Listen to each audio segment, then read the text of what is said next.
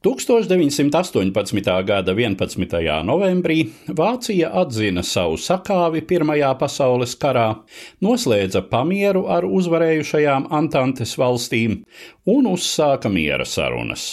Cita starpā tika lemts arī par to, kas notiks ar visai ievērojamajiem vācu jūras spēkiem. No uzvarētājiem Francija un Itālija vēlējās iegūt daļu no vācu karakuģiem sev.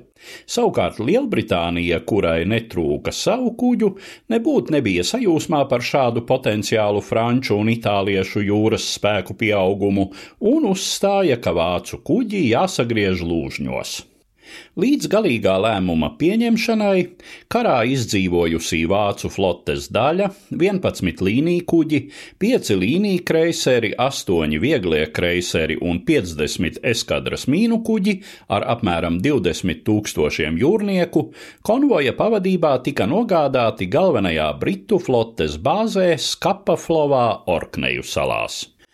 Nepatīkamais pienākums komandēt sagūstītos kuģus tika uzticēts ķeizariskās flotes viceadmirālim Ludvigam Fonreiteram. Pēc noankurošanās Skapaflovā apmēram mēneša laikā vairāk nekā trīs ceturdaļas no vācu jūrniekiem tika nosūtītas uz dzimteni. Atlikušo situācija bija diezgan neapskaužama. Vāciešiem bija liekts doties krastā un arī apmeklēt citus kuģus, pārtiku piegādāja no Vācijas, un tā bija visai sliktas kvalitātes. Teju vienīgās aktīvās izklaides bija makšķerēšana un jūras putnu ķeršana, kas starp citu ļāva nedaudz dažādot pliekano racionu. Britu virsnieki, kuri reizumis apmeklēja skapaflovā noankurotos vācu kuģus, vēstīja, ka uz tiem valdot nomāktība, disciplīnas pagrimums un šokējoša netīrība.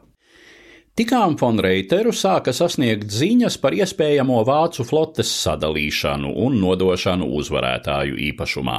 Domājams, jau visai drīz viceadmirāļa prātā nobrieda apņemšanās to nepieļaut, bet gan vācu kuģus nogremdēt. Briti paredzēja šādu iespēju, taču nebija diezko modri, un von Reiteram izdevās nodot attiecīgas instrukcijas uz visiem viņam pakļautajiem kuģiem. Uzzinājis, ka mierlīguma parakstīšana paredzēta 1919. gada 21. jūnijā, viceadmirālis nolēma šai dienā īstenot savu nodomu. Mierlīguma parakstīšana gan tika atlikta uz pāris dienām, taču vācieši savu plānu īstenoja paredzētajā laikā. 21. jūnijā, pusvienpadsmitos no rīta, uz visiem vācu kuģiem tika pacelti karogi, un matroži atvēra kesonu vārstus. Vācu plāna izdošanos krietni atviegloja tas, ka lielākā daļa britu flotes bija devusies mācībās ārpus bāzes. Iespējams, ka šī neuzmanība pat nebija gluži nejauša.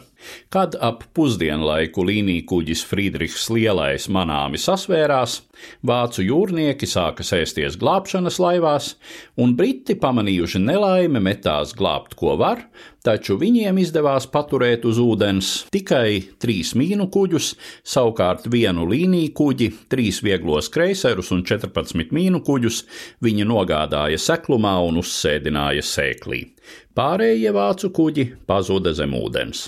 Dažos gadījumos vācieši mēģināja aizkavēt britus, un pēdējie laida darbā ieročus, deviņus nogalinot un 16 ievainojot. Šie skapa flovā dzīvību zaudējušie vācu jūrnieki tiek uzskatīti par pēdējiem Pirmajā pasaules karā kritušajiem. Britu spēku komandieris admirālis Sidnijs Frementls nekavējās paust viceadmirālim Fondritteram savu sašutumu, taču cits britu admirālis Roslins Vīms vēlāk izteicās, ka vācu kuģu nogremdēšana bijusi īsta dieva dāvana, jo ļāvusi uzvarētājiem izvairīties no smagajām ķildām par šīs vērtīgās trofejas sadalīšanu.